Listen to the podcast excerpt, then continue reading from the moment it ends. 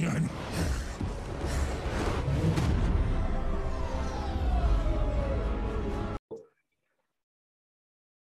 okay, welcome back guys, welcome back to our channel. Kembali lagi uh, edisi collab bareng lagi ya bersama Mas Indo Cukong yang terkenal maksudnya iya udah udah lama kan pengennya Mas dari bulan apa ya? Dari bulan Mei itu ya. Hmm, sempat bilang juga tuh kalau apa Agustus saja karena market uh, aku bakal membaik. Ternyata alhamdulillah membaik juga ya, bener. Iya, aku aku salut mas. Pokoknya pas mas yang bilang uh, mas bilang oh bulan Agustus saja. Ini kayaknya mas dia udah prediksi uh, top dan sama bottom ya. Soalnya pas bener kan pas uh, mas bilang kayak gitu tuh pas lagi market anjlok. Pas mas bilang Agustus bilang uh, udah reversal lagi marketnya kan? Mm -mm. Soalnya yeah. kan uh, kalau misalkan kita lihat di chart aja tuh pas yang sebelumnya chart sebelumnya kan ada akumulasi tuh Ah. Nah, akumulasi itu kan dari dari institusi-institusi nih udah masuk tuh berita-berita misalkan kayak uh, Elon uh, masuk tuh. Terus ah. kayak Amazon, Microsoft dan sebagainya tuh berita tuh kan mulai dari situ tuh. Terus yeah. naik tuh, naik drastis. Habis itu kan Elon ngefoot lagi tuh bahwa oh Bitcoin katanya uh, merusak lingkungan. Nah, dari situ food muncul tuh oh. sampai akhirnya ya turun turun drastisnya itu kembali lagi tuh ke ke area akumulasi mereka. Nah, kemungkinan ya kalau misalkan mereka udah selesai akumulasi ya paling enggak sebulan dua bulan ya. Ya itu prediksi doang. Hmm. Dan benar Agustus mulai naik lagi. Oh ya. Ternyata Elon Elon juga kan nge-tweet mulai nge-tweet uh, nge-tweet bagus, nggak ada nge-tweet yang buruk-buruk lagi nih. Iya, sengaja ngerti lah kita ya cara main institusi mm -hmm. kayak gitu. Uh, mm -hmm. ya, jadi itu guys, kenapa uh, baru uh, terrealisasi collab ini uh, bulan Agustus ya guys? Karena se ya sudah dijelaskan tadi sama Mas Ibu Cukong, uh, emang ini butuh waktu yang uh, lama memang untuk akumulasi ya. Mm -hmm. Jadi ya itu Uh, terus ini ya, uh, selamat datang di Kryptonia Channel ya Mas. Uh, sorry agak malam kan, tadi juga sempat uh, Mas di luar gitu ya. Jadi agak delay. Iya, janjinya jam 8. ya, jadi uh, ya uh, tak kenal maka tak sayang, Mas. Bisa mungkin dijelaskan backgroundnya dulu baru sebelum kita masuk ke inti, Mas. Oke, uh, terima kasih. Terima kasih udah diundang nih, udah ngobrol-ngobrol di sini. Kalau saya sih sebenarnya saya uh, semi anonymous ya. Semi anonim. Jadi kayak ya agak sedikit dirahasiakan lah identitas. Cuman saya adalah uh, bagian dari admin Indo Cukong. Kalau misalkan ada yang bilang, wah admin Indo Cukong ini gitu. Enggak ya. Jadi admin Indo Cukong itu ada beberapa orang gitu. Jadi kita tuh bagi-bagi apa namanya bagi-bagi pekerjaan lah ya. Ada yang ya ibaratnya yang cari strategi untuk marketing gimana supaya naikin naikin apa namanya uh, keluarga Indo Cukong gitu. Ada yang bagian analisis dan ada juga yang bagian konten. Nah itu. Jadi kita tuh tim lah ya ibaratnya tuh. Jadi kalau misalkan nanya identitas mungkin kita nggak nggak bisa ini ya nggak bisa ngasih tahu karena uh, kita ibaratnya semi anonim. Jadi uh, mungkin yang cuma tahu-tahu aja yang misalkan tahu-tahu admin itu kayak orang-orang kelas aja biasanya. Gitu sih. Ya. Sebenarnya kami ini uh, semi anonim ini takut di, disangka kita nih adalah ibaratnya orang yang punya duit banyak gitu, kaya dan takutnya kalau misalkan orang menyangka kita uh, kaya gitu tiba-tiba dirampok di jalan ya bahaya juga. Iya benar-benar. Kita menganut menganut agama dari Satoshi lah ya Satoshi. Benar. Ya setuju. Dia saya. juga anonim kan? Ya pseudonym. Ya, ke kemungkinan alasan dia ya karena ya takut juga di diburu sama orang-orang gitu yang tidak yeah. suka sama dia. Tuh. Ya tapi saya setuju juga mindset Mas kalau beneran kaya tuh yang nggak perlu show off kan kita. Uh, iya benar. Ah uh, ya yang penting uh, uh, finansial secara apa uh, freedom secara finansial kan intinya. Iya. Mm-mm. Kecuali kecuali kekayaan itu untuk dijual sebagai konten gitu kan ada yang kayak gitu. Ada, juga. ada, ada, ada. Uh, tergantung. affiliate link ya, affiliate link ya. Iya. iya. ada lah, ada lah di sebelah. Ya, ya, ya. Jadi ya itu ya guys uh, backgroundnya. Jadi jangan kalian jangan penasaran siapa ini uh, Indo Cukong, siapa di baliknya. Yang jelas dia deliver ya, maksudnya nggak uh, jual apa uh, grup Pam Endam lah apalah. Yang jelas uh, Indo Cukong ini udah terbukti gitu ya guys. Ya, dan ya Pam Pam Endam itu sebenarnya ini rahasia nih. Sebenarnya ah. juga di live live sebelumnya juga dikasih tahu sih bahwa ah. Pam Endam itu sebenarnya bagian dari strategi marketing sebenarnya. Benar. Karena kan kebanyakan warga warga kripto ini yang di Indonesia ini suka suka banget kayak gitu permainan pam endam kayak gitu. Soalnya kita pernah nih pernah fokus sama edukasi konten-konten edukasi ya ya keluarganya tidak bertambah sama sekali malah berturun malah menurun. Nah ketika kita uh, adain event pam itu dan akhirnya ngebus banget tuh dalam sebulan bisa sampai 30 ribu orang yang bergabung di iya. di Telegram itu Cukong. Iya. Seenggaknya mereka udah ngelihat progres Mas lah. Jadi Mas kan uh, nggak abal-abal gitu ya. Kita udah ngelihat track recordnya Mas jelas walaupun pseudonymous, walaupun identitasnya ya. terahasiakan, tapi Mas bisa deliver lah seenggaknya seperti itu. Ya, jadi ya. ya saya bersyukur banget Mas, udah thank you sekali lagi Uh, terus kita masuk ini ya guys, uh, apa uh, ke ya mungkin sebelum uh, trading lah, Mas, Mas udah berapa tahun di dunia trading gitu ya? Sebelum masuk Bitcoin, kenal Bitcoin ini dari tahun berapa gitu Mas? Kenal Bitcoin saya dulu lihat di Facebook sih sebenarnya. Di Facebook itu udah ada iklan Indodex dari tahun 2014 bukan iklan sih sebenarnya. Orang kayak orang-orang nge-share. Kan mereka kayak beli Bitcoin terus tiba-tiba Bitcoinnya satu hari tiba-tiba naik gitu. Kan mereka nge-share nge-share tuh wah ini Bitcoin. Gue profit dari sini dari Bitcoin gitu. Dari Indodex. Uh, hari kemarin harganya segini terus jadi segini. Kayak gitu dulu. Dulu cuma lewat eh, lewat-lewat di beranda. Terus kita ngelihat ah apaan sih ini gitu nggak paham gitu nah dua itu 2014 dan akhirnya karena muncul-muncul terus lalu tahun 2016 mulai mempelajari lah ya. Jadi di awal-awal itu bukan langsung trading. Mencari tahu nih Bitcoin ini apaan sih gitu. Dan ketemulah Indodex baru daftar-daftar Indodex. Nah, ketika sudah daftar Indodex itu wah, nggak ngerti sama sekali itu cara beli gimana, cara jual kayak gimana, terus sempet sempet beli dulu tuh ada listing baru tuh kalau nggak salah uh, eh, STR STR itu Stellar ya dulu. Namanya STR dulu tuh Pair uh, Satoshi. Pair oh. Satoshi. Jadi kayak bukan satu sih Pair Bitcoin. Jadi STR slash BTC cuman uh, apa namanya yang nama yang kan 0,0 itu namanya Satoshi lah ya. Berapa satu sih gitu? 100 kalau nggak salah. Nah pas beli itu harganya eh bukan 200 harganya turun langsung jadi 100 jadi duit yang dulu dimasukin itu kalau nggak salah sekitar berapa ya? 7 atau 6 juta. Itu langsung minus setengah dari dari duit itu. Ah. dan dan dan jadi eh, apa namanya bingung juga tuh kok bisa bisa apa namanya bisa berkurang drastis kayak gini gitu. Itu duit tabungan tuh masuk What? di Stellar. Uh -uh. Jadi dulu tuh bukan beli Bitcoin ya. Bu uh. Eh bukan beli Bitcoin.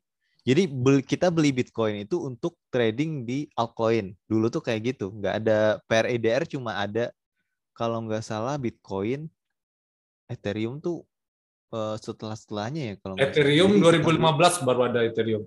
Dan nah itu kita mungkin 2016 mungkin ya. Hmm, kita beli Bitcoin dulu kan, habis itu baru bisa trading ke altcoin dulu tuh. Nah kayak gitu. Dulu tuh kalau nggak salah itu tahun berapa ya? Tahun 2017 apa 2016 ya Stellar itu. Yeah. Nah itu awal-awal masuk itu udah rugi itu bukan untung. Jadi kalau misal ada teman-teman yang baru masuk kripto terus rugi. Nah, itu wajar sih, wajar. Wajar. Itu kayak kayak apa ya? Kayak uh, gitu ya?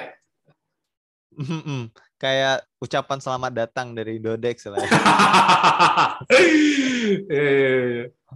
ya, ya nah, jadi itu. Uh, ya jadi begitulah guys uh, cerita Indo Indo Cukong masuk uh, ke dunia Bitcoin ya. Dia terkenal Bitcoin, dia apa tapi langsung belajar dulu, nggak langsung ngajak nyemplung ya walaupun sempat rugi juga tadi di awal gitu ya. uh, ya uh, terus uh, itu tadi kan sejarah Mas di Bitcoin. Uh, terus sejarah Mas di trading sendiri di gimana? Apa Mas pernah ada instrumen lain untuk trading atau pernah di forex juga atau di saham atau cuman di Bitcoin doang?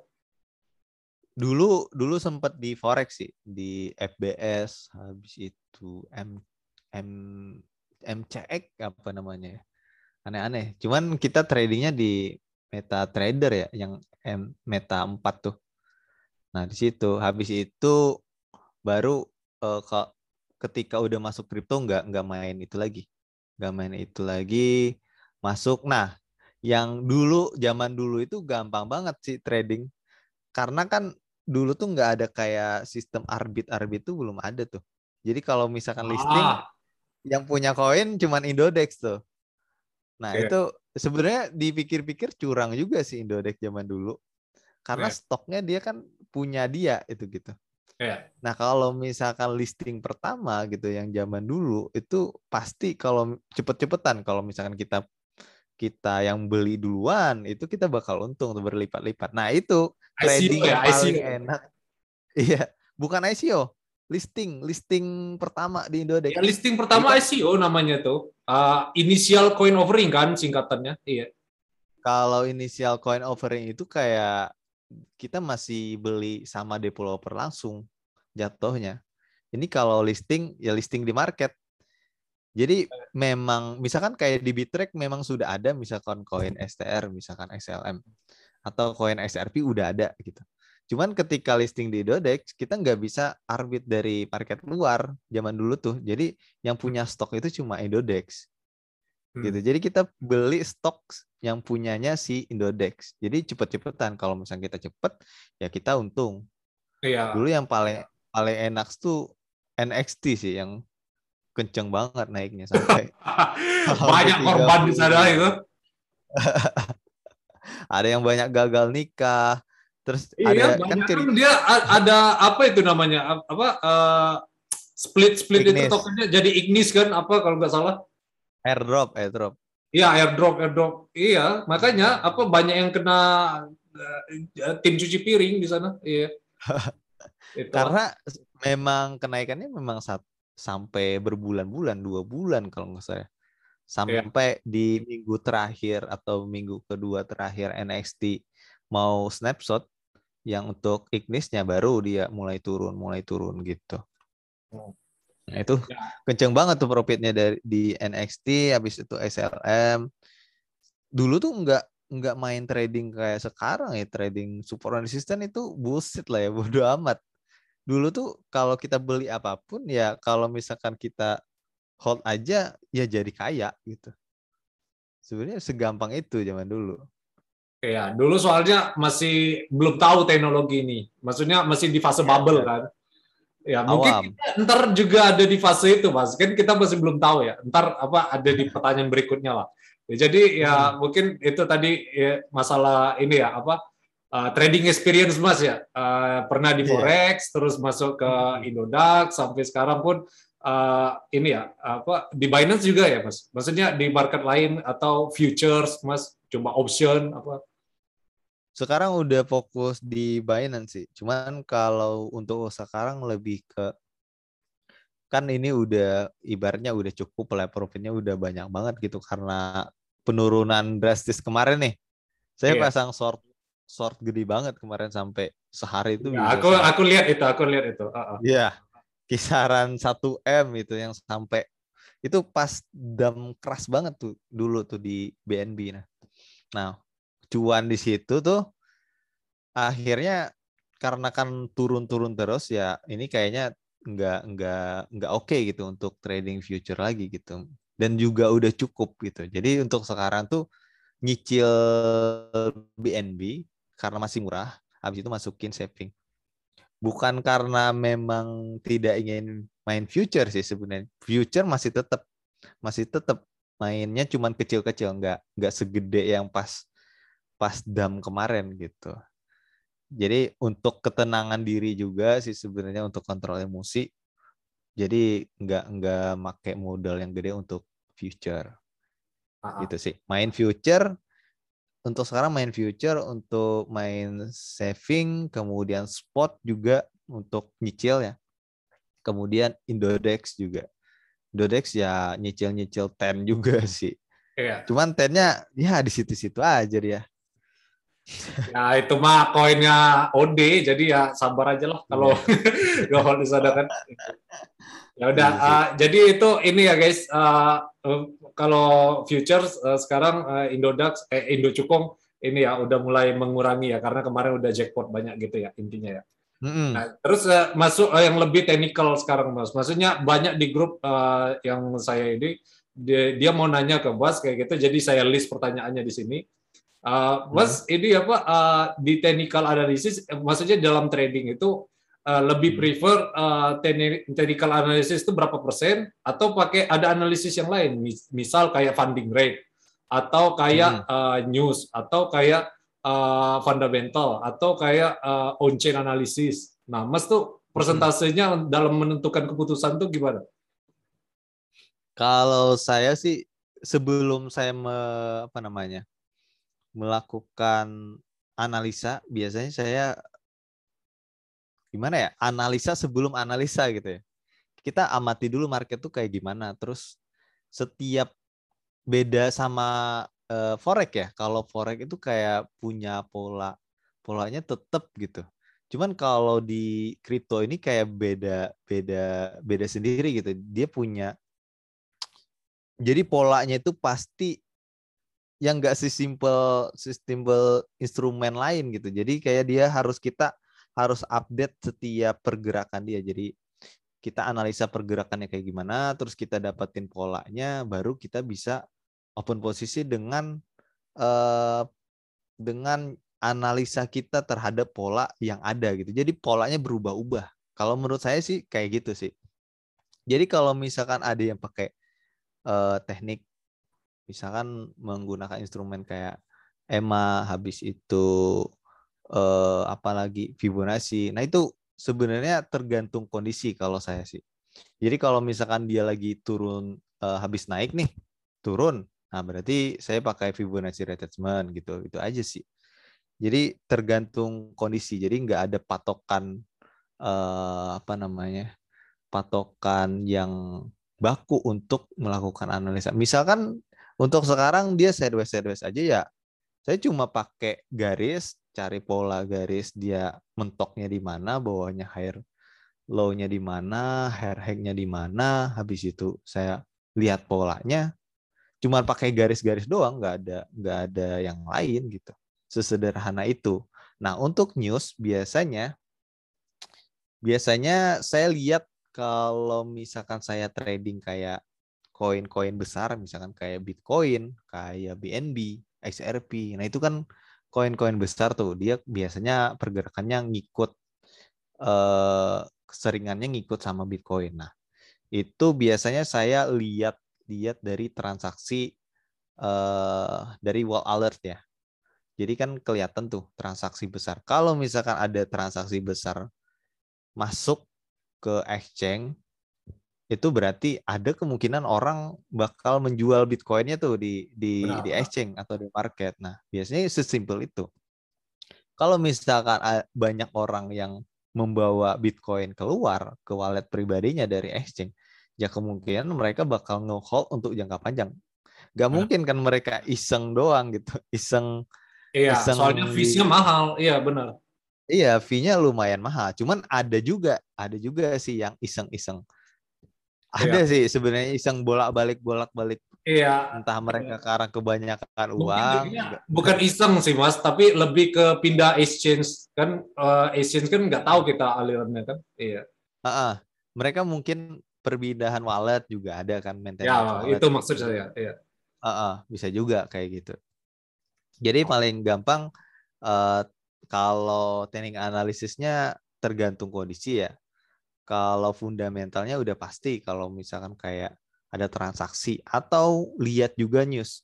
Biasanya news tuh polanya kalau misalkan ada, udah ada berita buruk dari institusi besar misalkan atau dari influencer besar, biasanya tuh bakal berderet tuh. Biasanya influencer, habis itu Cina, habis itu Amerika, habis itu si uh, apa namanya Elon Musk. Nah itu ya itu itu aja orangnya gitu. Kalau biasanya berderet sampai uh, apa namanya noise ini bakal hilang sendiri gitu. Nanti harga bakal mulai naik lagi. Nah polanya. Nah setelah mulai naik itu biasanya orang kan masih ragu tuh. Biasanya ya sideways sideways doang gitu. Habis itu kalau misalnya si Elon, wah ini Bitcoin bagus ya. Biasanya itu bakal berderet lagi tuh. berderet habis itu misalkan Microsoft mau bakal bikin ini, ini Amazon bakal bikin ini ini, ini bakal bakal berlanjut panjang gitu. Kalau berarti itu mereka udah selesai akumulasi. Ya kita kalau misalkan untuk jangka panjang ya tinggal beli aja. Segampang itu. Kalau mau mau trading kalau misalkan koin-koin besar ya. Kalau misalkan untuk beda lagi kalau misalkan untuk koin-koin yang kecil yang baru baru merintis misalkan kayak market uh, kecil gitu ya. Iya, misalkan yang lagi hype yang koin-koin game Nah, itu kan kita harus harus lebih lebih ekstra lagi untuk misalkan untuk mencari infonya sendiri gitu. Nah. Jadi tidak sesederhana kita ngelihat yang tadi ngelihat fundament fundament bukan ngelihat news Bitcoin dan transaksi Bitcoin aja gitu. Jadi kita harus ngelihat juga apakah koin ini bakal hype ataukah uh, dan dia juga uh, promonya juga gencar-gencar atau enggak atau biasa aja gitu atau ya kita harus harus riset lebih dalam lah ya kalau misalnya mau, cari koin-koin kayak gitu.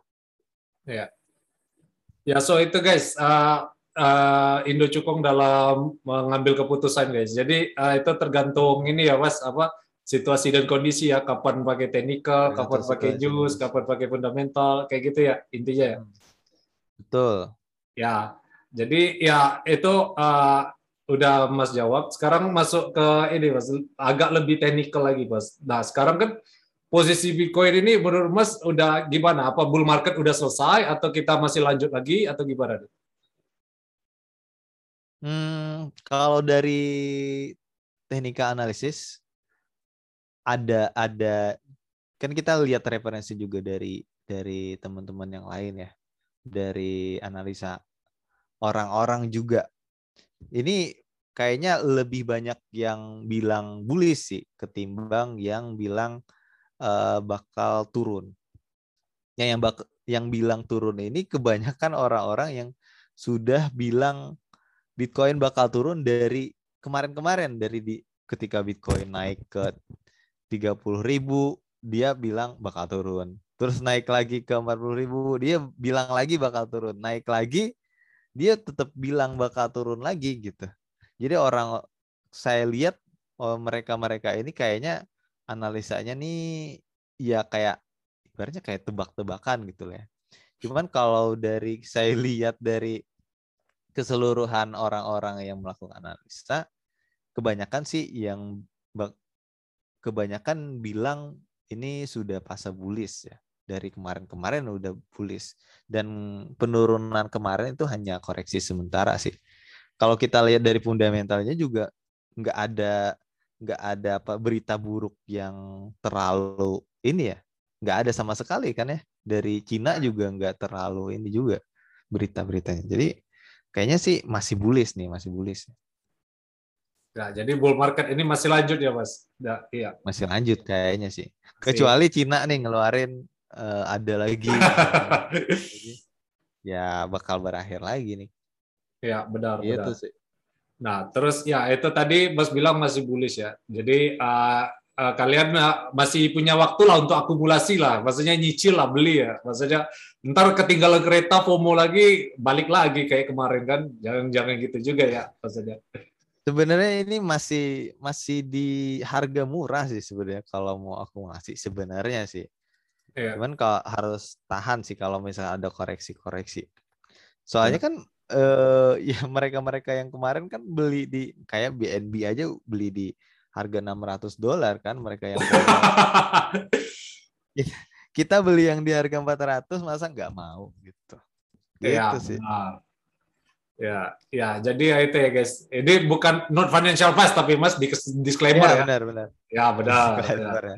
Ya, benar. Ya, ya jadi ya itu guys. Intinya uh, pandai-pandai kalian lah, keputusan kalian lah. Ini hanya oh. uh, pengalaman dari ini aja ya, uh, Indo Cukong aja ya. Uh, jadi hmm.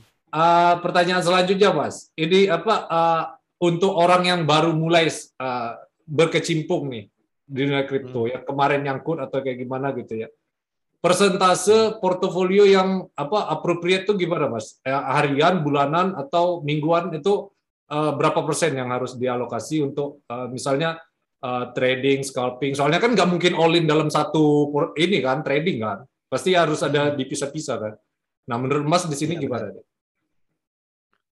Kalau paling basicnya ya, kalau misalkan masih pemula itu uh, modal itu dibagi kalau misal ini mau masuk langsung spot apa future nih? Nah, ini tergantung. Jadi Mas bisa jelaskan spot gimana, future gimana? Bentar.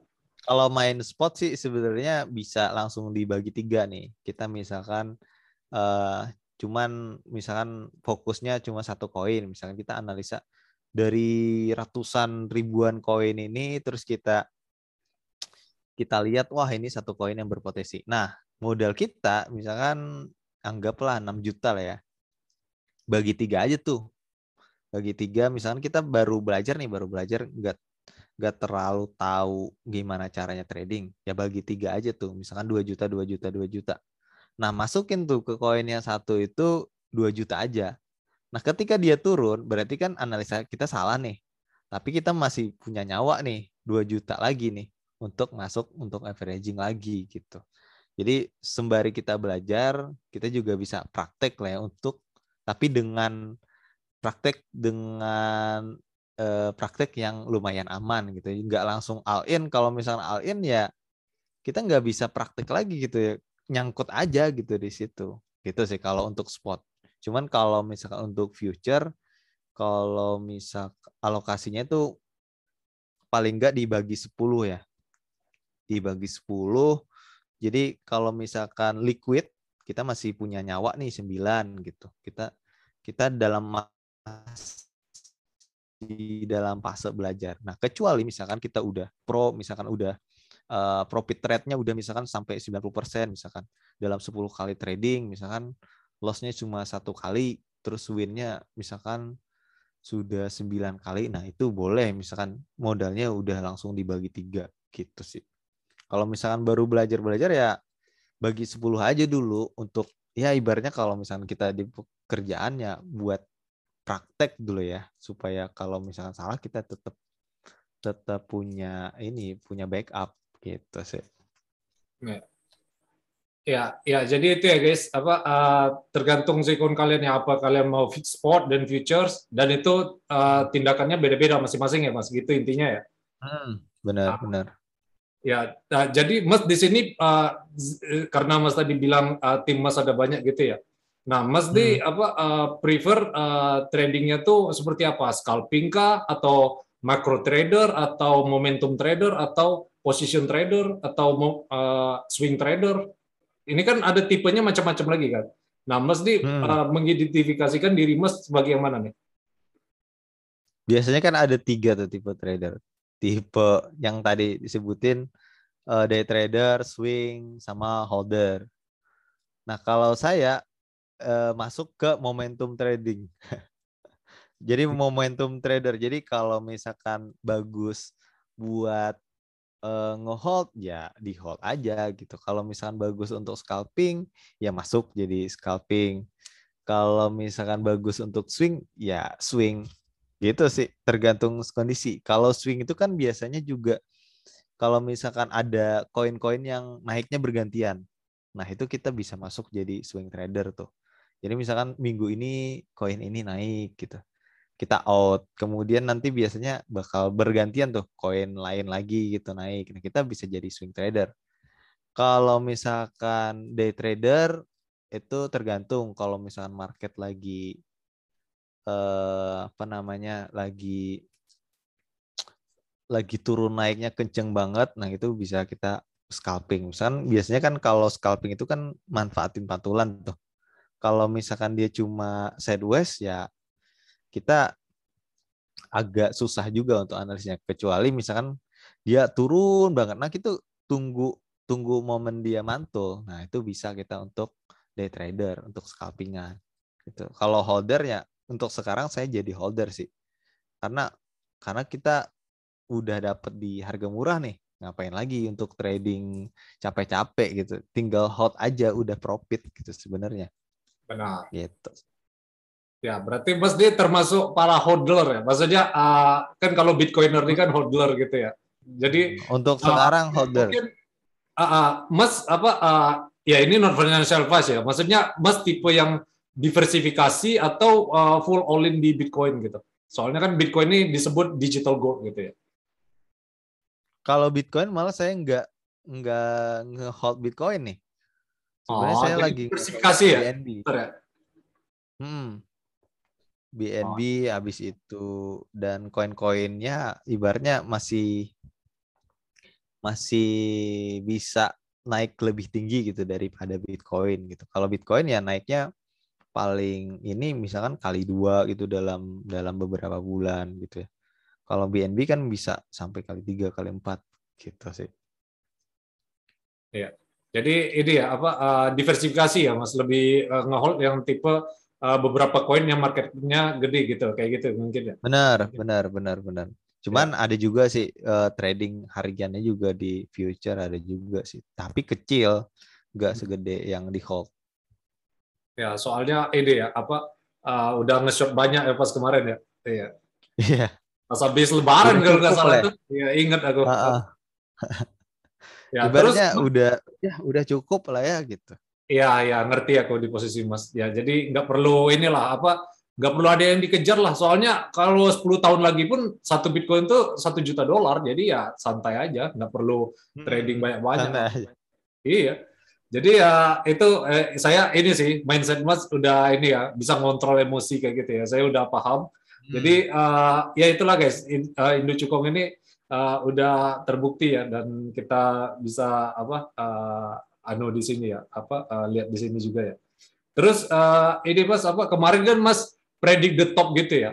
Nah, maksudnya Mas ngikutin yang uh, week of accumulation atau yang rising wedge atau yang P-cycle top atau Mas punya analisa sendiri yang menebak bahwa Mas tuh benar nge-short di atas di pucuk tuh kemarin. Itu kan kemarin kita udah udah lihat banget nih. Itu nggak pakai nggak pakai analisa teknik analisis, itu tinggal lihat lihat berita aja kemarin kan beritanya langsung Elon habis itu berturut-turut gitu ya ya udah itu pasti pasti bakal turun gitu pasang short aja. Kalau misalkan dia mulai naik lagi nih kalau misalkan lagi naik nih pasti kan koreksi tuh. Nah kalau penurunan juga ada koreksi kan. Jadi kalau misalkan mulai naik lagi nah itu kita siap-siap tuh pasang untuk short. Habis itu kan kemarin nah itu base-nya gampang banget sebenarnya. Ketika ada transaksi besar kemarin transaksi besar Bitcoin masuk ke market nah itu kita siap-siap untuk untuk short. Kalau misalnya ada pergerakan turun yang mulai drastis nah itu langsung apa namanya ikut kereta lah ya Iya. gitu sih dipantau aja terus oh, jadi pakai technical analysis uh, oke okay. gimana mas ya lanjut nggak pakai technical analysis apa-apa gitu cuma lihat news Oh, Habis itu kemarin... lihat pergerakan Bitcoin gitu oh. doang sih. Ya kemarin berarti Indo Cukong uh, dia uh, nge-short uh, ngelihat ini ya situasi aja ya. Maksudnya Elon Musk nah. itu kan. Terus apa berita juga lagi buruk, terus harga juga turun terus. Ya mungkin hmm. ya itu uh, salah satu ini sih apa jadi pertimbangan juga untuk kalian trading guys. Jadi ya itu uh, terus pertanyaan selanjutnya Mas, selain trading uh, Mas uh, tadi kan oh, holding udah cerita ya, maksudnya ngehold beberapa koin, diversifikasi dan sebagainya. Apa Mas coba untuk yang lebih jauh lagi kayak staking, yield farming atau deposit itu Mas pernah nyoba atau uh, fokus di holding aja sekarang? Udah coba tuh yang staking di Binance, habis itu ada yang di PancakeSwap, sampai yang di Warden juga pernah. Di Warden juga dual dual investment juga. Sebenarnya kalau dual investment tuh kalau di dunia staking itu kayak LP ya. Jadi kita jadi LP terus ya, kita farming. Ya. Hmm, kita jadi itu terus dapat kayak tiket lah ibaratnya tiket LP-nya. Habis itu kita bisa farming, itu udah juga di Warden. Habis itu di paling gampang di Pancake Swap kemarin. Uh, habis itu kalau di Binance mulai ada juga tuh uh, kita kalau mau jadi LP juga bisa untuk sekarang sih nggak nggak karena takut. Kadang ini sih kayak kayak akun wallet kita bisa kayak dihack nih untuk sekarang nih. Benar. Kayak masih mm -mm, dihack eh, sama hacker gitu kayak entah yeah. kayak gimana mereka cara ininya ya.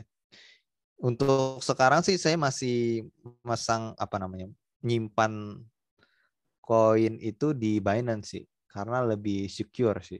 Karena ada ada apa namanya verifikasi lewat SMS kemudian Google ya? ada ya? Google Authentication Google, ya, Authentication juga. Kalau misalkan di wallet kan itu gimana ya? Kita harus nggak ada verifikasi dua langkah gitu. Jadi kalau misalkan ada yang masuk atau yang ada login nggak ada notifikasi sama sekali. Bahaya banget sih untuk sekarang sih. Hmm. Jadi kalau misalkan untuk staking ya paling kalau di luar dari exchange ya paling staking staking untuk spekulasi gitu ya. Ya, jadi ya itu ya guys. Uh, jadi uh, walaupun dia apa master dari trading tetap, tetap diversifikasi ya Mas, jangan all in di trading ya. Maksudnya uh, farming dan staking itu jadi opsi juga ya untuk uh, capital growth ya. Seperti itu ya. Benar, dan dan untuk belajar juga sih perkembangan kita harus ngikutin perkembangan kripto untuk ngambil keuntungan dalam setiap fase. Dulu kan fasenya dari 2018 itu kan fase uh, landing itu yang uh, koin-koin hype. Yang kayak misalkan ada ICO dari websitenya terus dibeli terus harganya langsung tiba-tiba mahal gitu. Dari koin-koin landing habis itu berubah dari jadi koin MLM juga ada BitConnect ya, BitConnect masuk nggak dulu mas? BitConnect itu generasi pertama dari scam ya, generasi pertama. Dia sebenarnya dulu dia tuh nggak ada koin sama sekali, sama sekali nggak ada kontraknya juga, nggak ada kode kode yang jelas nggak ada. Kalau Bitcoin kan kelihatan tuh gimana kodenya dibikin. Kalau Bitcoin nggak ada sama sekali gitu. Jadi tiba-tiba uh, listing aja di coin market cap gitu. Kok bisa di listing gitu ya. Habis itu uh, Bitcoin naik runtuh dan koin apa namanya project-project lending yang lain juga runtuh. Habis itu akhirnya uh, di situ awal mula uh, Bitcoin crash. Nah, tahun 2018 itu masuk fase uh, wallet scam. Jadi dulu ada kayak apa namanya tuh wallet plus apa namanya dari Cina tuh. Dia kan e, kalau misalnya kita nyimpan Bitcoin kata kita nyimpan Ethereum di wallet mereka nanti bakal dapat kayak dividen gitu. Sebenarnya konsepnya sama kayak farming tapi mereka e, tidak pakai sistem blockchain sebenarnya. Jadi kayak mereka nipu aja gitu untuk di wallet mereka. Jadi dibawa kabur itu kemarin itunya apa namanya dana-dana orang yang udah deposit. Karena mereka cuma create create wallet, eh alamat wallet dari mereka orang deposit, terus ada angka angkanya doang nih. Eh, apa namanya duit lu segini gitu. nggak ada nggak ada apa namanya sistem di blockchainnya sama sekali gitu. Ya. Jadi akhirnya itu fase itu juga bisa diambil keuntungannya sih sebenarnya dari situ kita kalau misalkan kita jeli nah itu lagi hype-hype-nya itu bisa profit juga karena koinnya juga koin dari si itunya naik juga kayak kayak bit Connect aja harganya naik juga kan. Disconnect. Awal-awal ya, benar. Uh, uh, Hestra Coin, Legal Coin, Regal Coin, Octa Coin, macam-macam lah. Sampai yeah. uh, crash, habis itu rame hype-nya ICO. Ketika kalau misalkan ICO apa aja bakal jadi jadi cuan gitu. Habis itu masuk fase uh, Devil ya. Uh, ya, masuk. Ya. Habis ya. itu DeFi ya, masuk, ya, DeFi. DeFi, ya. Habis itu masuk fase apa lagi ya? NFT. Sampai pokoknya uh, eh, NFT habis itu sampai fase game sekarang. Ah. Uh. Ya hampir semua ya. sih mas. Soalnya orang tuh uh, apa tergiur sama APY-nya itu. Apalagi kalau hmm yield yield farming itu kan gak kira-kira bisa ratusan persen APY ya. Tapi kalau sekali yeah, rakul yeah. udah goes to zero koinnya. ya, ya itu kalau misalkan jeli ya dari situ sih sebenarnya bisa bisa bikin kita kaya. Bahkan kita nggak nggak apa namanya kita cuma mengikuti zaman aja nih, nggak pakai modal sama sekali kita juga bisa dapat cuan dari situ kayak misalkan uh, tra cuman transaksi di Uniswap aja dapat dapat 400 uni kan dulu ya. Ya, benar. Tahun lalu ya. Uh, aku dapat juga itu. Tahun lalu. Iya, kalau misalnya kita jual sekarang berapa tuh? Berapa ratus juta tuh dapatnya. Iya. Kayak gitu sih. Kalau misalkan Nah, kalau misalkan kita tahu nih, kita bisa membaca tuh keadaan. Ya, kita bikin aja akun 100 biji gitu ya. Uh, trading di Uniswap kali 400 berapa? 400 ribu uni dapatnya. Iya, tapi kan nggak tahu. orang yang kayak gitu, ya. cuman nggak ada yang tahu kan. Iya. Nah itu, kalau misalkan kita apa namanya, kita aktif, kita aktif belajar biasanya, kita, apalagi kalau misalkan sampai Reddit, biasanya itu bakal ada tuh bocoran-bocoran kayak gitu tuh. Dapat info tuh dari dari ininya orang dalam lah ya gitu. Ya. Uh -uh. Ya. Jadi nggak nggak melulu trading ya untuk mendapatkan profit sebenarnya. Kita ah, mengikuti ya. zaman di kripto uh, juga bisa dapat profit gede gitu. Nah ya jadi itu guys. Jadi intinya jangan terpaku dengan trading ya. Walaupun uh, kita udah uh, profit di trading itu harus diversifikasi juga di beberapa uh, instrumen hmm. lainnya seperti farming dan staking dan sebagainya. Jadi ya itu hmm. uh, ya itu dengan risk masing-masing ya. Kita apa uh, nggak tanggung masing-masing risknya.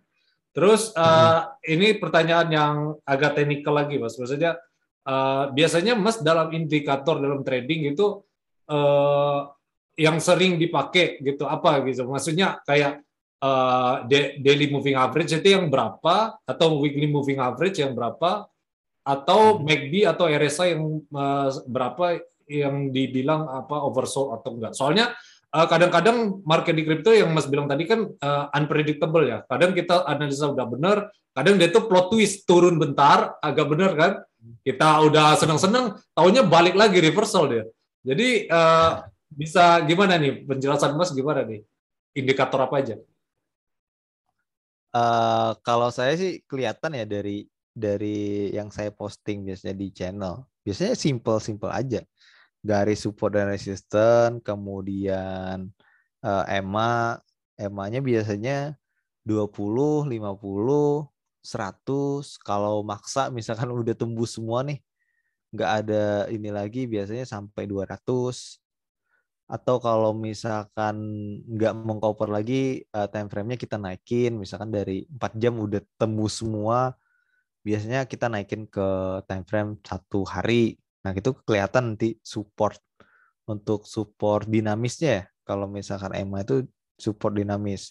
Kalau misalkan garis-garis itu kan uh, support yang statik lah ya. Kita ngelihat dari dari lembah terbawah gitu higher higher low atau higher high-nya kita garis, kita bisa lihat tuh di mana dia kemungkinan memantul gitu. Itu bisa kita gunakan untuk scalping. Kalau misalkan untuk jangka menengah, misalkan kita mau cari uh, pembalikan arahnya misalkan retachment dari penurun misalkan naik terus mulai turun setengah tuh kita lihat di mana nih kemungkinan pembalikan arah bisa pakai uh, Fibonacci retracement dia kan hitungannya tuh kalau Fibonacci itu kan hitungan psikologi ya dia kayak Iya benar. Gimana ya itu? Hmm. Psikologi ya, orang banyak. 6,6125 kayak gitu kan. Iya. Hmm, jadi psikologi orang banyak. Jadi dia memperhitungkan wah kemungkinan di area cuman tidak spesifik untuk Fibonacci, tidak spesifik. Jadi kita bisa kombinasikan dengan support resisten klasik atau pakai EMA juga gitu. Jadi kita lihat uh, spesifik garisnya di mana bakal mantul kayak gitu. Kalau misalkan uh, MACD kalau saya biasanya sebutnya MACD atau RSI itu gampang banget sih sebenarnya. Kalau misalkan dia bersilang ke atas, ya udah berarti kemungkinan ada reversal. Kalau misalkan dia bersilang ke bawah, eh reversal ke atas. Kalau misalkan dia hmm, bersilang ke atas, berarti kemungkinan dia naik gitu ya. Kalau misalkan dia bersilang ke bawah, ya kemungkinan dia turun. Gitu sih. Gampangnya kayak gitu sih. Uh, kalau kayak apa bull market 2017 ya, aku lihat uh, monthly reversalnya uh, selalu overbought mas di atas 70 gitu ya. Tapi uh, uh, ya namanya bubble kan, uh, jadi uh, enggak serta merta dia tuh langsung dump gitu. Dan kemarin pun juga kan sempat berapa kali overbought R saya, tapi uh, enggak overbought ya walaupun uh, pas terakhir ini akhirnya anjlok juga kan. Nah menurut Mas uh, uh, ada satu apa uh, bagaimana cara kita menentukan oh kalau RSI ini overbought belum tentu dump dan sebaliknya uh, ketika belum overbought udah pasti pump. Itu menurut Mas gimana itu?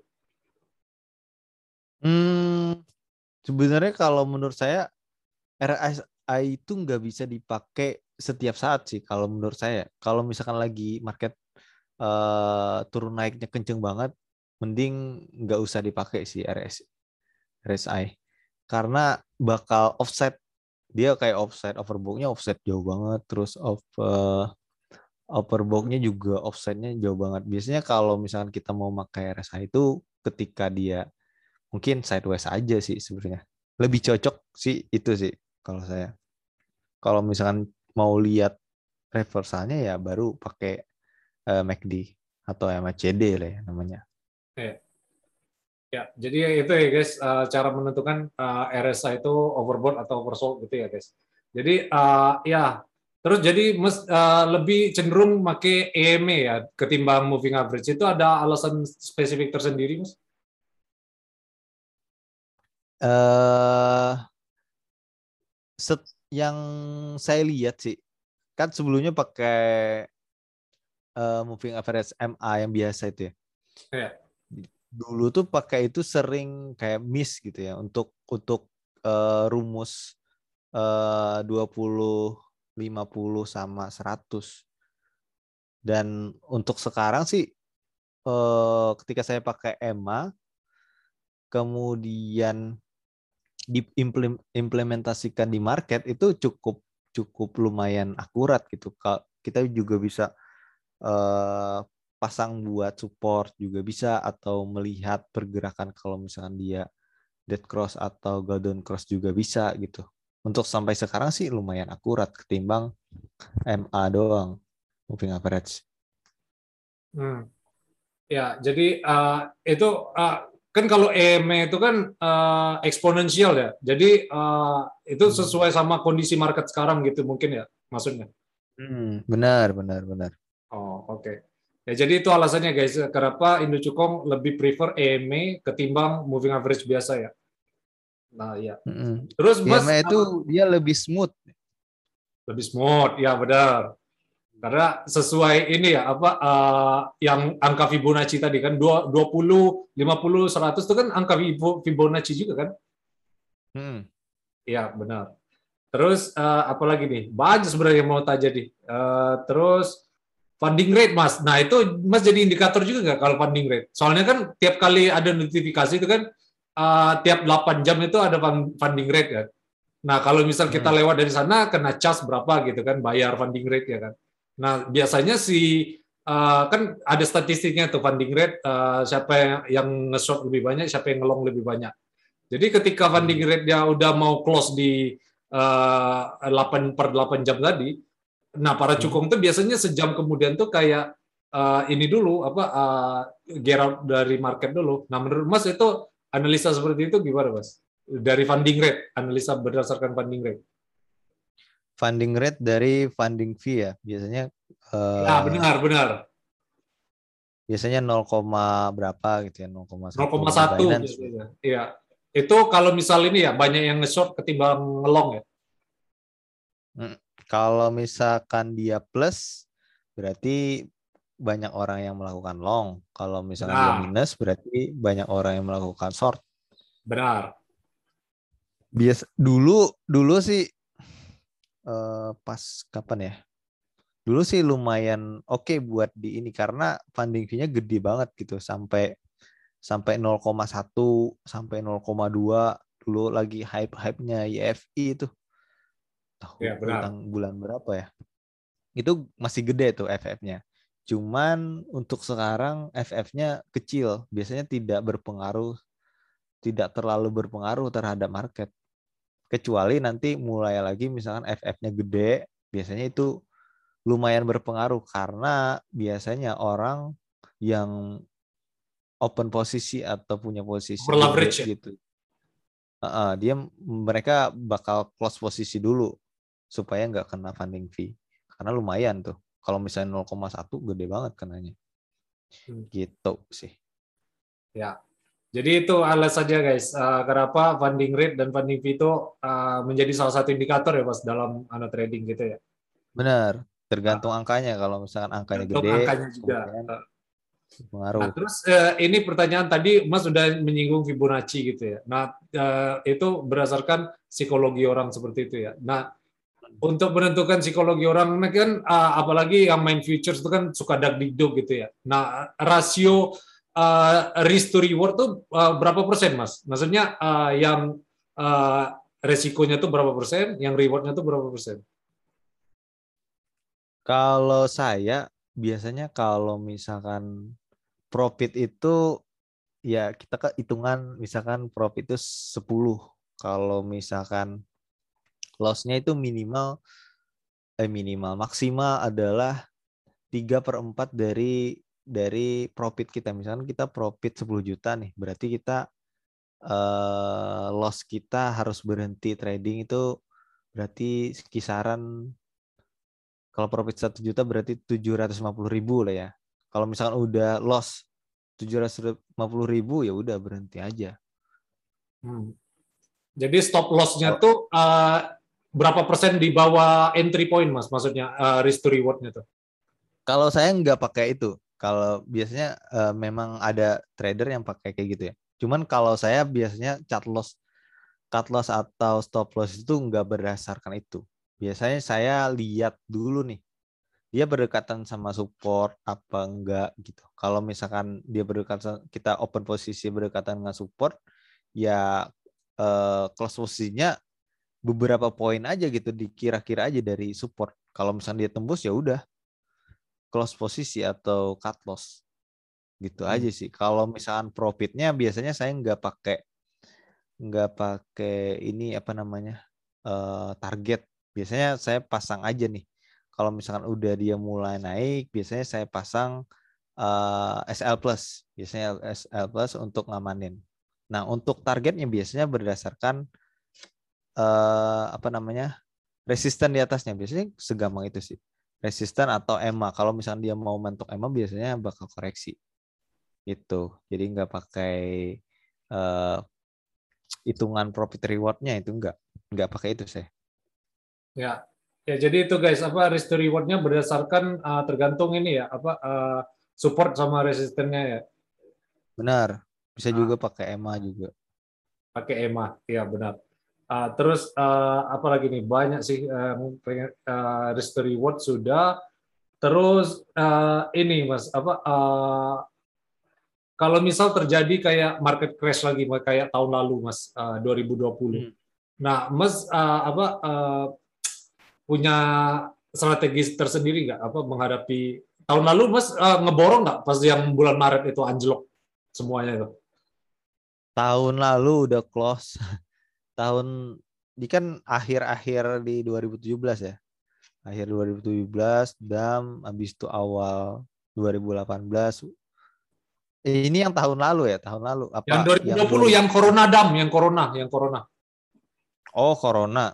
Iya kan corona. parah kan? Iya, semua kan? Iya. Hmm. Tapi kan udah ngehold dari tahun 2019 nih masalahnya nih. Oh. Jadi pas oh. ngedam ngedam itu nggak nggak ambil pusing sih sebetulnya. Biasa aja karena masih belum belum sedam yang tahun 2017. Oh benar. Santai-santai aja.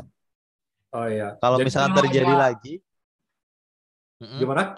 Kalau misalkan terjadi lagi, ya hmm, kayaknya bisa nggak ya kalau misalkan terjadi dam sepanjang itu dari ini kan Bitcoin 700 juta nih sampai 35 juta mungkin nggak ya? Ya itu harusnya aku yang nanya itu ke Mas. kalau misalkan dia sampai tiba-tiba dalam sebulan sampai 35 juta ya pasti uh, bakal bakal jual aset-aset nih, aset-aset di luar kripto buat beli Bitcoin lagi nih. Benar. Udah, yeah. udah pasti. Yeah. Tapi udah. kayaknya ke kecil kemungkinannya bakal balik ke situ. Kecil sih. Benar. Ya. Jadi ya itu ya apa soalnya kemarin tuh ada ini juga Mas kan stock market di Amerika all time highs ya. Jadi kadang hmm. kita nih masih suka ngikut stock market di Amerika soalnya kan aset kita nih masih eh, Bitcoin apalagi spekulatif ya. Jadi uh, masih ngikutin sana, jadi masih berkolerasi antara uh, Bitcoin sama stock market di Amerika. Dan posisinya mereka sekarang udah di kayak di fase bubble gitu loh, all time highs terus. Nah, terus hmm. apa uh, the fact kemarin tuh kayak ada berita untuk tapering itu. Uh, menurut Mas, hmm. tapering ini ng ngaruh ke Bitcoin nggak? Uh, kayaknya sih ngaruh sih, ngaruh sih. Soalnya apa-apa aja sih ngaruh sih sama Bitcoin. Bahkan penurunan emas aja biasanya ngaruh sama Bitcoin. Aneh juga sih. Cuman kalau misalkan kenaikan si Bitcoin ini uh, bi bisa-bisa naik sendiri gitu tanpa ngikut-ngikut yang lain. Cuman kalau penurunan biasanya ya ada pengaruhnya sih. Karena kepanikan itu sebenarnya gimana ya menular gitu ya dari market lain itu menular. Benar. Mm -mm. Ya. Menurut saya. Ha -ha argumennya kan kalau misal kayak di ya Bitcoin itu kan uh, spekulatif aset uh, para Wall Street juga kan. Jadi kalau misal Wall Street itu lost money di stock market atau emas atau yang kayak 2020 kemarin, nah jadi itu hmm. dia menutup uh, kerugiannya, lossnya itu dengan cara jual aset dia di Bitcoin ini, soalnya market cap-nya lebih kecil kan. Jadi ya itu sih apa uh, argumen pertamanya. Yang kedua kan pasti nular tadi kan, yang damani, yang orang-orang kroco, yang uh, retail juga banyak yang nyuci piring, akhirnya dijual di bottom kan. Jadi ya mm-hmm. efek domino lah ibaratnya kayak gitu ya mungkin ya mas. Iya, kayaknya kayak gitu. Uh, uh, ya udah. Terus uh, ya balik lagi Fibonacci mas. Fibonacci yang ideal tuh yang seperti apa mas? Apa maksudnya uh, narik Fibonacci-nya dari super ke resistant, terus uh, cara nentuin Fibonacci yang uh, bakal apa namanya uh, area untuk ya nggak nggak perlu nebak bottom atau top sih soalnya kan nggak kadang nggak uh, persis nyentuh Fibonacci-nya kan kadang lebih dikit tapi tetap uh, ngenai Fibonacci-nya. Nah menurut Mas tuh Fibonacci yang ideal seperti apa gitu? Hmm, Fibonacci yang dikombinasikan sih. Biasanya dikombinasikan pakai support dan resisten garis statik biasa atau pakai EMA. Biasanya ada ada ada titik temu lah antara mereka tuh biasanya. Kalau mau mau cari titik uh, titik tepatnya ya untuk yang mendekati gitu. Iya. Dikombinasikan di, sih ya di Fibonacci itu kan ada angka exactnya ya. Ada yang 1 sampai 0,6, ada yang 1,6. Hmm. Ya, yang 1,6 itu yang golden ratio. Nah, hmm. uh, dia tuh ya dengan angka yang sebanyak itu uh, Mas tuh biasanya yang mana gitu loh. Maksudnya aku uh, untuk yang uh, ya walaupun kita nggak tahu ya predik nggak bisa lah nggak ada lah orang yang predik the bottom the, the top tuh nggak ada lah cuman ideal uh, yang kisarannya aja estimate-nya uh, uh, Fibonacci-nya tuh antara kisaran yang mana sampai mana gitu? Biasanya kalau saya biasanya untuk Fibonacci ini pakai buat retracement aja sih sebenarnya. Oh, tarik dari atas, tarik dari atas ke bawah, habis itu cari golden ratio. Biasanya dia bakal ya mantul di area 0,6 sampai 0,3 itu aja sih. Oh, iya. Biasanya sampai situ. Kalau misalkan dia offside, dia udah tembus, nah itu berarti ya bakal terus turun-turun terus nggak bakal mantul lagi tuh biasanya. Iya, ya jadi ya itu ya guys uh, Fibonacci-nya uh, dari 0,6 sampai 0, berapa tadi mas? 0,3, 0,3 berapa gitu ya? Pokoknya ya, 0,6 sama 0,3. Uh, ya. Terus ini uh, ya ini balik lagi ke price prediction mas. Menurut mas uh, tahun ini Bitcoin bakal ke berapa mas? Maksudnya apakah Bitcoin bakal ke all time highs lagi tahun ini atau tahun depan atau Enggak sama sekali. Ini udah top, udah kita bakal kayak 2018 lagi. Hmm, menurut saya ini baru awal ya. Ini ya ibaratnya kayaknya koreksi koreksi sementara sih. Kayaknya ya, bakal pertama, ya, wave pertama ya. Baru mantul lagi. Ya. Ah, benar, kayaknya wave pertama. Cuman bakal sebenarnya bakal ada penurunan lagi sih sebenarnya entah di akhir tahun apa di bulan September atau Oktober kemungkinan sih. Tapi kemungkinan di Agustus Agustus ini kemungkinan besar bakal naik dulu, naik dulu habis itu di September atau Oktober bakal koreksi lagi. Baru mungkin Desember sama Januari mulai naik lagi. Cuman kalau Bitcoin ini kan sangat-sangat sulit diprediksi ya. Kita tergantung kondisi sih kalau mau masuk sih lihat kondisi ber, berjangka lah ya nggak bisa kita kita ambil langsung kesimpulan untuk jangka panjang sulit sih kalau menurut saya. Hmm. Ya. Belum Soalnya kemarin belum tuh hampir gimana mas? Ya lanjut lanjut. Uh, kalau untuk sekarang masih bullish nih, masih bullish karena kan kita lihat dari news belum ada sama sekali untuk untuk berita buruk. Nah, yang membuat biasanya tren itu berubah ya dari news kalau misalkan Bitcoin. Kalau misalkan adem ayem aja ya Bitcoin otomatis ya perlahan-lahan naik-naik terus. Ya, jadi uh, itu cara Mas menentukan market itu reversal ya. Maksudnya dari uh, transisi dari bearish ke bullish atau bullish ke bearish gitu ya. Hmm. Ya, ya mungkin seperti itu. Jadi Mas nggak punya price prediction yang terspesifik, Bitcoin bakal ke angka berapa? Nggak ada. Satu miliar atau Bitcoin, lebih? Udah, udah saya kasih di live bahwa oh. Bitcoin bakal ke satu miliar. Cuman nggak tahu sih kapan. ya, paling bisa tahun depan yang paling ini ya, paling memungkinkan ya. Kayaknya dari akhir tahun mungkin sih sebenarnya. Di, iya, soalnya apa uh, sekalinya udah lewat all time highs, All time highs kan 900 juta. Udah FOMO pasti orang.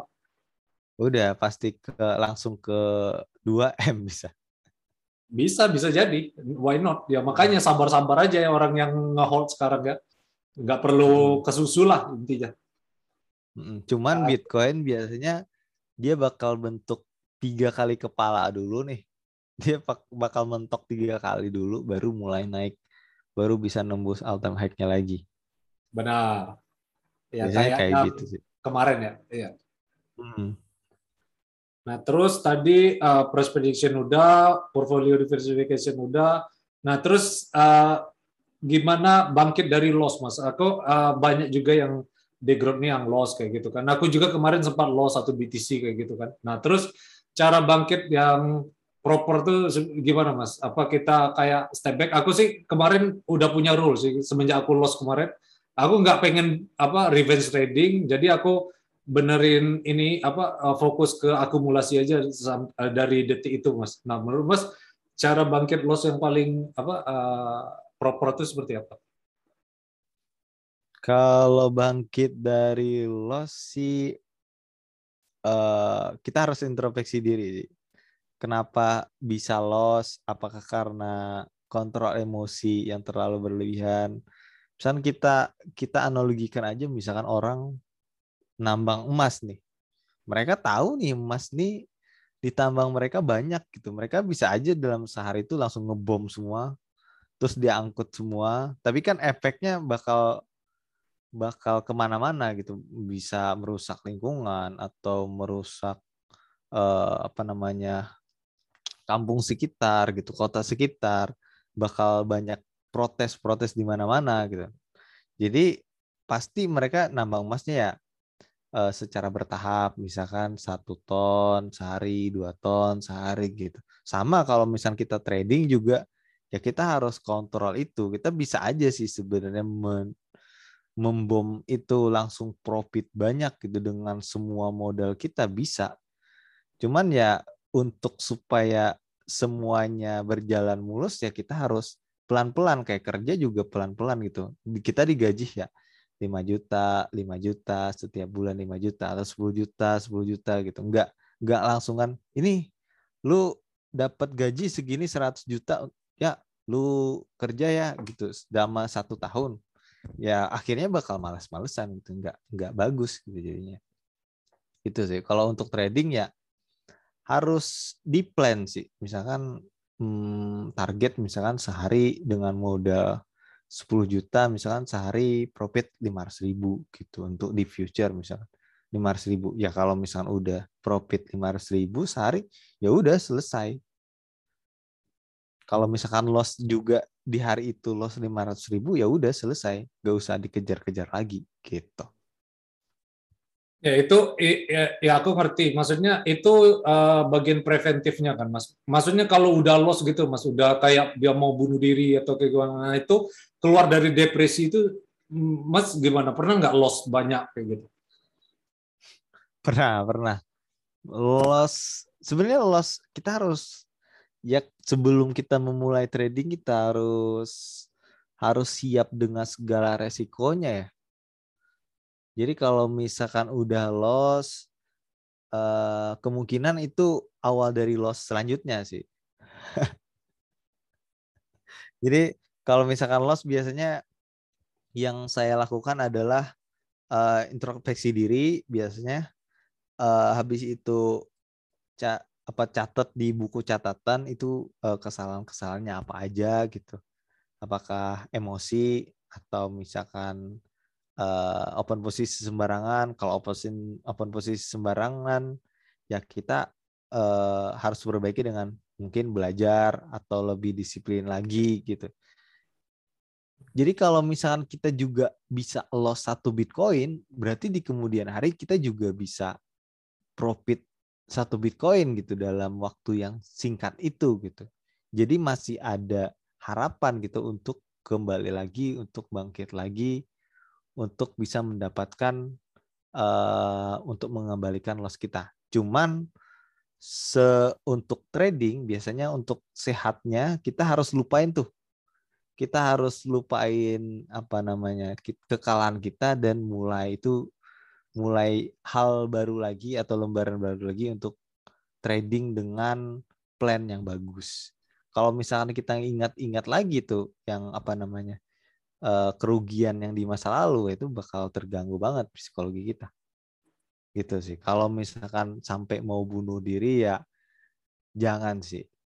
Jangan ya. sampai kayak gitu. Karena segala hal masih bisa diusahakan. Kalau misalkan bahkan kalau misalkan kita udah kepepet itu adalah waktu dan momen yang paling bagus untuk kita mencari jalan yang lebih bagus lagi gitu Soalnya saya merasakan itu. Kalau misalkan uang kita udah hmm, kayak minus banyak gitu, pasti kita nyari tuh, nyari nyari gimana sih ngembaliin uang ini, walaupun tidak di di ranah trading. Biasanya bakal muncul aja, wah ide ide bikin ini, bikin ini, bikin ini, dan akhirnya itu juga menghasilkan. Gitu sih. Manfaatkan energi energi uh, sakit hati kita terhadap loss itu untuk menciptakan pintu-pintu baru untuk kita menghasilkan profit. Hmm. Ya, jadi itu tadi ya guys, apa eh, introspeksi diri, uh, jangan sampai depresi bunuh diri ya guys, seperti itu.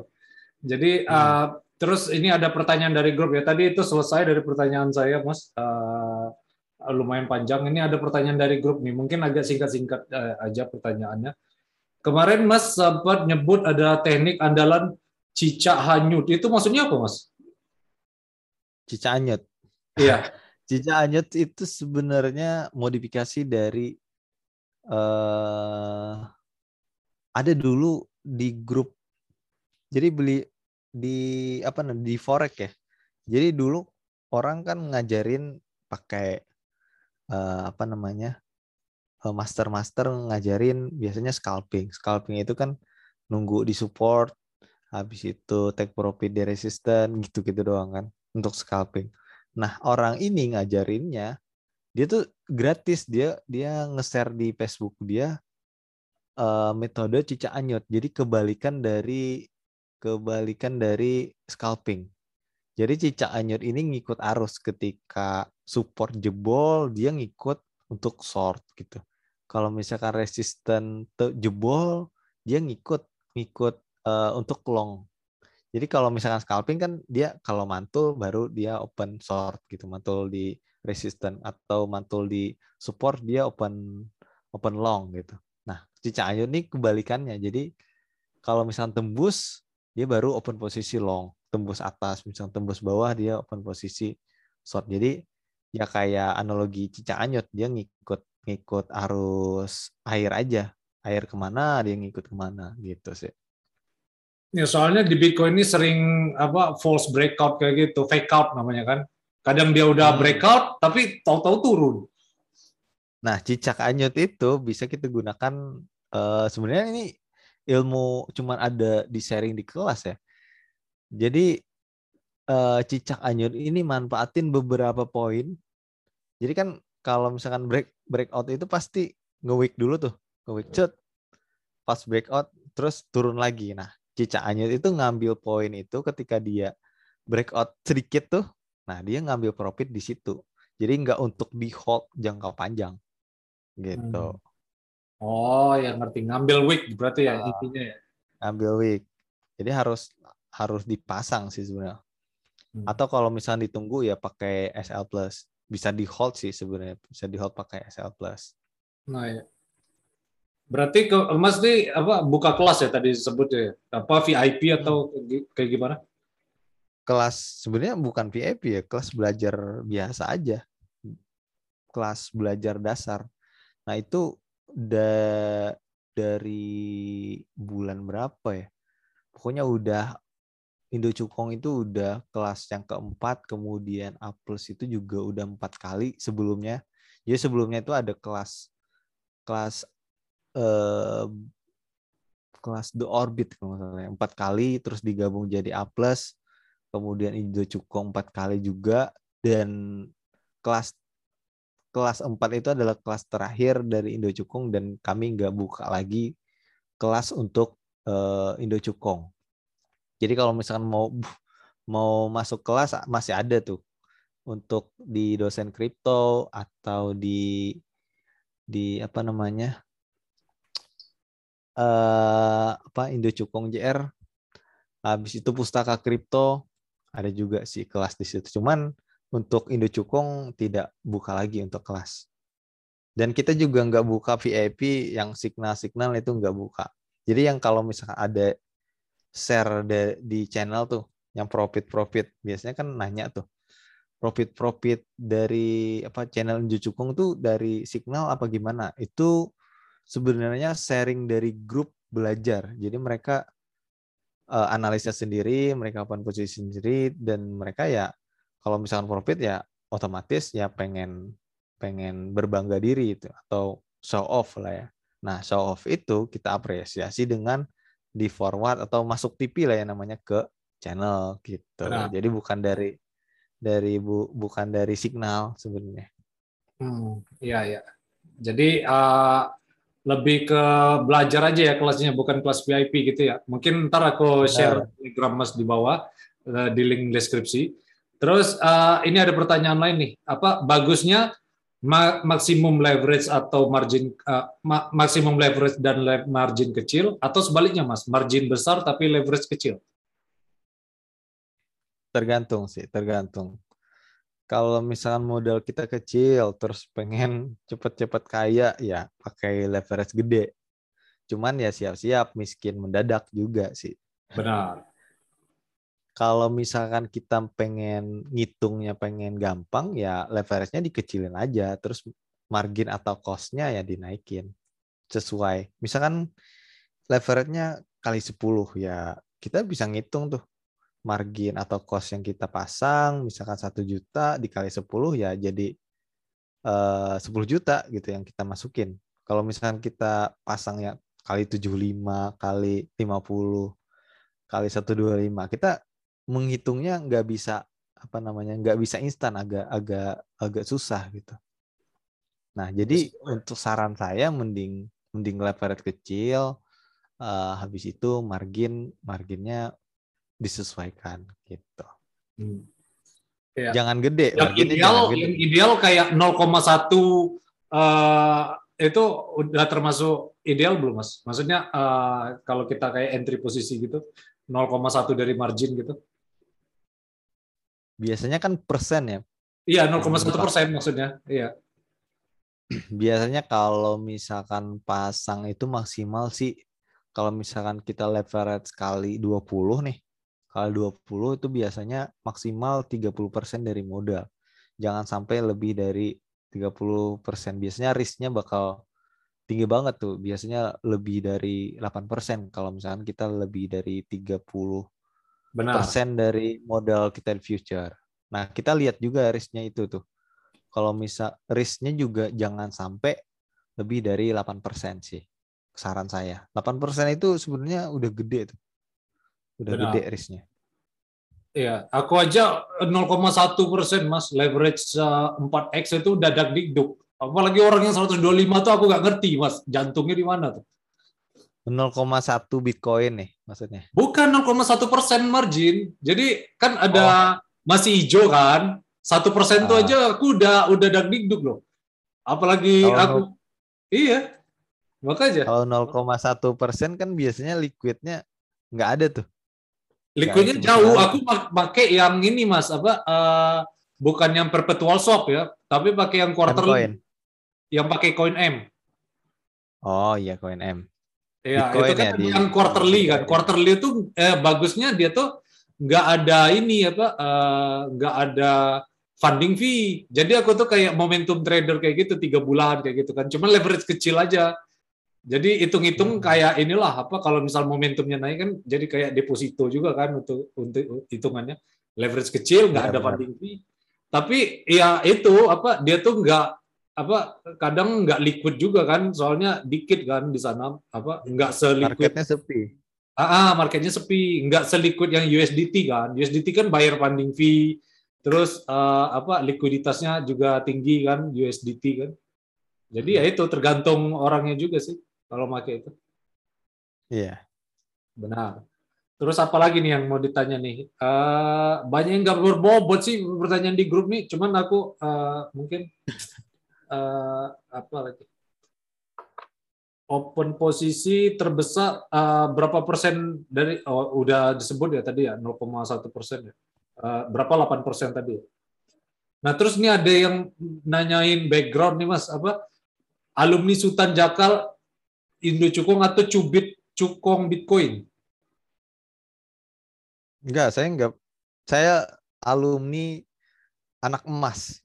Tahu enggak oh. anak emas Oh iya, ntar aku. Uh, uh.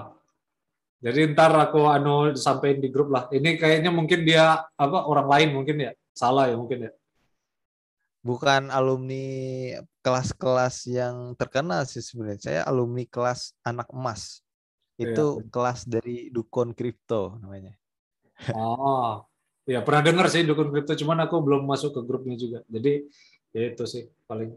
Terus uh, yang funding fee tadi udah, teknik masalah bahas satu-satu udah, terus uh, kapan jam-jam volatile mas? Soalnya kan apa uh, kadang weekend uh, dam, kadang weekend pump, terus juga uh, habis stock market open di Amerika biasanya jam 10 pam, tapi kadang subuh juga pam. Itu apa nggak uh, tentu memang ya? Nggak nggak harus mesti di jam-jam berapa ya? Nggak nggak tentu, nggak bisa diprediksi. Cuman pernah pernah dulu, cuman nggak nggak ini lagi, nggak work lagi. Pernah dulu kalau misalnya mau panding fee dia bakal volatile banget tuh. Kalau mau panding fee. Untuk sekarang oh, enggak. 8 jam itu tadi ya? Uh, Benar. Jadi dulu tuh sampai sampai begadang nungguin subuh. ya, Jam-jamnya funding fee. Jam 12 juga funding fee itu. Hmm. Terus ini ada pertanyaan lagi. Kemarin ada berselisih sama Ayung Lam, Mas. Itu kenapa, Mas? Ini pertanyaan dari grup ya, bukan pertanyaan aku ya. Itu maksudnya apa tuh? Hmm, dia sebenarnya, apa nyuri-nyuri ini ya, nyuri-nyuri analisa ya? Bukan, bukan. Gimana ya? Sebenarnya Ayong Lam ini di grup emang udah jadi ini ya, jadi bahan omongan gitu ya. Soalnya background dari dia ini dari dulu dia nih pemain MLM iya gitu, pemain oh. coin hype iya gitu terus yang udah ngerugiin banyak orang juga iya gitu ya zaman-zaman dulu cuman eh, kembali lagi dia juga bisa teknik analisis gitu dia bisa memprediksi koin juga arah-arah koin dan juga bisa, bisa analisa. Jadi ya kak biasanya ya bak kita eh, kasih waspada warning aja sama sama orang-orang. Kalau misalkan dia dia promoin koin yang aneh-aneh gitu gak usah diikutin. Kalau misalkan dia secara analisa ya udah silahkan. Kalau mau jadikan referensi gitu sih. Hmm. karena ngelihat lihat masa lalu juga karena kita ngikutin juga sih Ayong Lem dari dulu Walah. Ya itu sih kadang uh, kita nggak tahu niatan orang ya, jadi lebih baik kita mawas diri aja seperti itu ya mas. Mm. Ya. Terus pertanyaan apa lagi nih? Uh, uh, Nah ini ada yang nanya nih, uh, kalau misal ini uh, ini kita nggak tahu masih di bull market atau enggak, kita nggak tahu arah market ya mas. Tapi kalau misal kita udah ada konfirmasi di bear market gitu ya mas, uh, mas tetap trading, nge-short uh, atau akumulasi atau mas udah libur dulu nikmatin profit baru masuk lagi pas bull market mas? Biasanya kalau di awal-awal awal-awal turun biasanya nge-short dulu Nah kalau misalkan dia udah nggak bisa diprediksi lagi tuh naik turunnya. Nah biasanya tahan dulu tuh, tahan lihat kondisi dulu. Baru kalau misalkan udah ada tanda-tanda reversal, baru mulai open open perbanyak open long lah ya. Atau akumulasi paling gampang sih akumulasi sih, nyicil. Jadi kalau misalkan nyicil hari ini misalkan satu BNB, besok turun lagi, ya udah cicil lagi satu BNB gitu nyicil nyicil nyicil. Kalau misalnya dia udah mulai naik ya udah gitu. Kita udah berhenti nyicilnya. Gitu sih. Oh iya uh, jadi uh, ya seperti itu ya guys. Apa uh, tergantung situasi juga kalau mau nge-short di bear market kan kita harus predict the topnya juga kan. Hmm, di awal-awal. Iya itu mau susah. kalau iya kan predict the top tuh aku salut masih sama Mas Bro. Itulah aku bilang the man who call the top tuh the big short tuh cocok disematkan sama Indo Cukong gitu. Terus apalagi ya? Uh, pertanyaan mengenai uh, ya ini mungkin uh, step by step ya. Kita nggak tahu network Indo Cukong ini berapa, maksudnya harta kekayaan Indo Cukong ini berapa. Cuman kalau merdeka finansial dari trading, step by stepnya kalau dari dia networknya masih nol mas, maksudnya uh, nama dia tuh masih nol rupiah mas. Nah itu perjalanannya untuk menjadi miliarder seenggaknya dulu mas. Nah itu uh, step-stepnya seperti apa mas? ada rahasia sebenarnya yang rahasia untuk pendengar pendengar ini doang nih. Rahasia gampang kalau misalkan kalian pengen kaya. Ikutin aja step dari Indra Ken sebenarnya. Jadi kalian pertama belajar trading. Kalau misalkan kalian udah profit profit dikit-dikit, mulai show off show off. Kemudian nanti kalian buka kelas trading, binomo. Nah, dari duit kelas trading bisa... bukan maksudnya yang yang cara yang inilah mas yang agak agak manusiawi lah. Itu kan kita ini kan apa enggak terlalu inilah kalau cara-cara kayak gitu. Sebenarnya bisa bisa sih sebenarnya. Kalau misalkan misal dari nol banget nih dari nol banget. Pengen pengen uh, kaya juga. Ya, ya cari-cari ya, aja sampai kayak, apa 10x dulu lah maksudnya kayak 10 juta aja dulu lah dari nol kayak gitu kan hmm. kalau misalkan kalian memang benar-benar nol atau modalnya dikit ya perbanyak riset untuk koin-koin yang micin perbanyak riset terus lihat pergerakannya misalkan kayak uh, kan uh, misalkan polanya misalkan koin-koin gratis kayak koin-koin gratis dari yang terkenal kayak Uniswap ketika Uniswap. gratis ternyata dia naik harganya terus ini kayak misalkan polanya nih si si apa nah koin koin market cap dia bagi-bagi diamond nah kemungkinan ada aja kemungkinan dia bakal listing di di exchange walaupun kita nggak tahu masa depan gitu ya nggak ada salahnya gitu untuk ngegarap itu gitu, garap yang gratisan-gratisan ini. Hmm. Karena banyak tuh kisah-kisah dari orang-orang yang kayak mendadak ya dari gratisan. Kayak misalkan dulu teman saya Budi, Budi kenal nggak sama Budi? Yang mana tuh? Pokoknya Cukong Budi lah ya namanya. Dia oh, tuh ya. ngegarap XLM. Dia cuma ngegarap XLM gratisan dulu dari voucher terus ada juga yang ngegarap Bitcoin dari voucher gitu doang, Doge dan akhirnya dari gratisan itu tapi ya memang keberuntungan sih sebenarnya. Hmm. Tapi ya ya garap-garap aja kalau selama itu gratis ya kenapa enggak gitu. Kecuali kalau misalkan sampai ngerugiin orang ya jangan. Ya, itu benar. sih kalau misalkan memang mau mau profit yang mendadak gitu ya, garap aja semuanya yang gratisan. Benar. Habis itu pelajari trading juga gitu ya, Mas. Kalau trading pastinya perlu modal. Kalau misalkan benar-benar kita nih kan pakai duit nih untuk trading. Ya harus harus benar-benar belajarnya harus udah fix nih kita udah praktik udah mulai profit rate-nya gede baru kita mulai nambah-nambah modal lagi gitu. Jadi kalau kalau masih belajar jangan langsung masuk gede gitu sih. Misalnya nah. punya punya punya modal misalkan di tabungan nih 10 juta. Ya kalau mau masuk ya 500 ribu aja dulu. Kalau misalkan udah fasih gitu. Tombol-tombol bahkan tombol-tombol aja tuh harus di di apa dihafalin dulu tuh. Misalnya kayak open buy sell itu kan bisa apa namanya kita bisa ketukar tuh. Salah open posisinya bisa liquid. Nah, kalau misalkan kita udah fasih kemudian teknikal kita udah bagus, baru kita deposit lagi, deposit lagi. Gitu. Jadi jangan langsung banyak sih. Ya, yang intinya itu ya guys, apa uh, sabar aja. Uh, ada step-stepnya tersendiri dan tiap step itu uh, perlu proses ya. Terus uh, pertanyaan terakhir ini Mas, uh, Mas di apa otodidak atau dulu apa belajar juga ada kursus atau gimana? Belajar saya.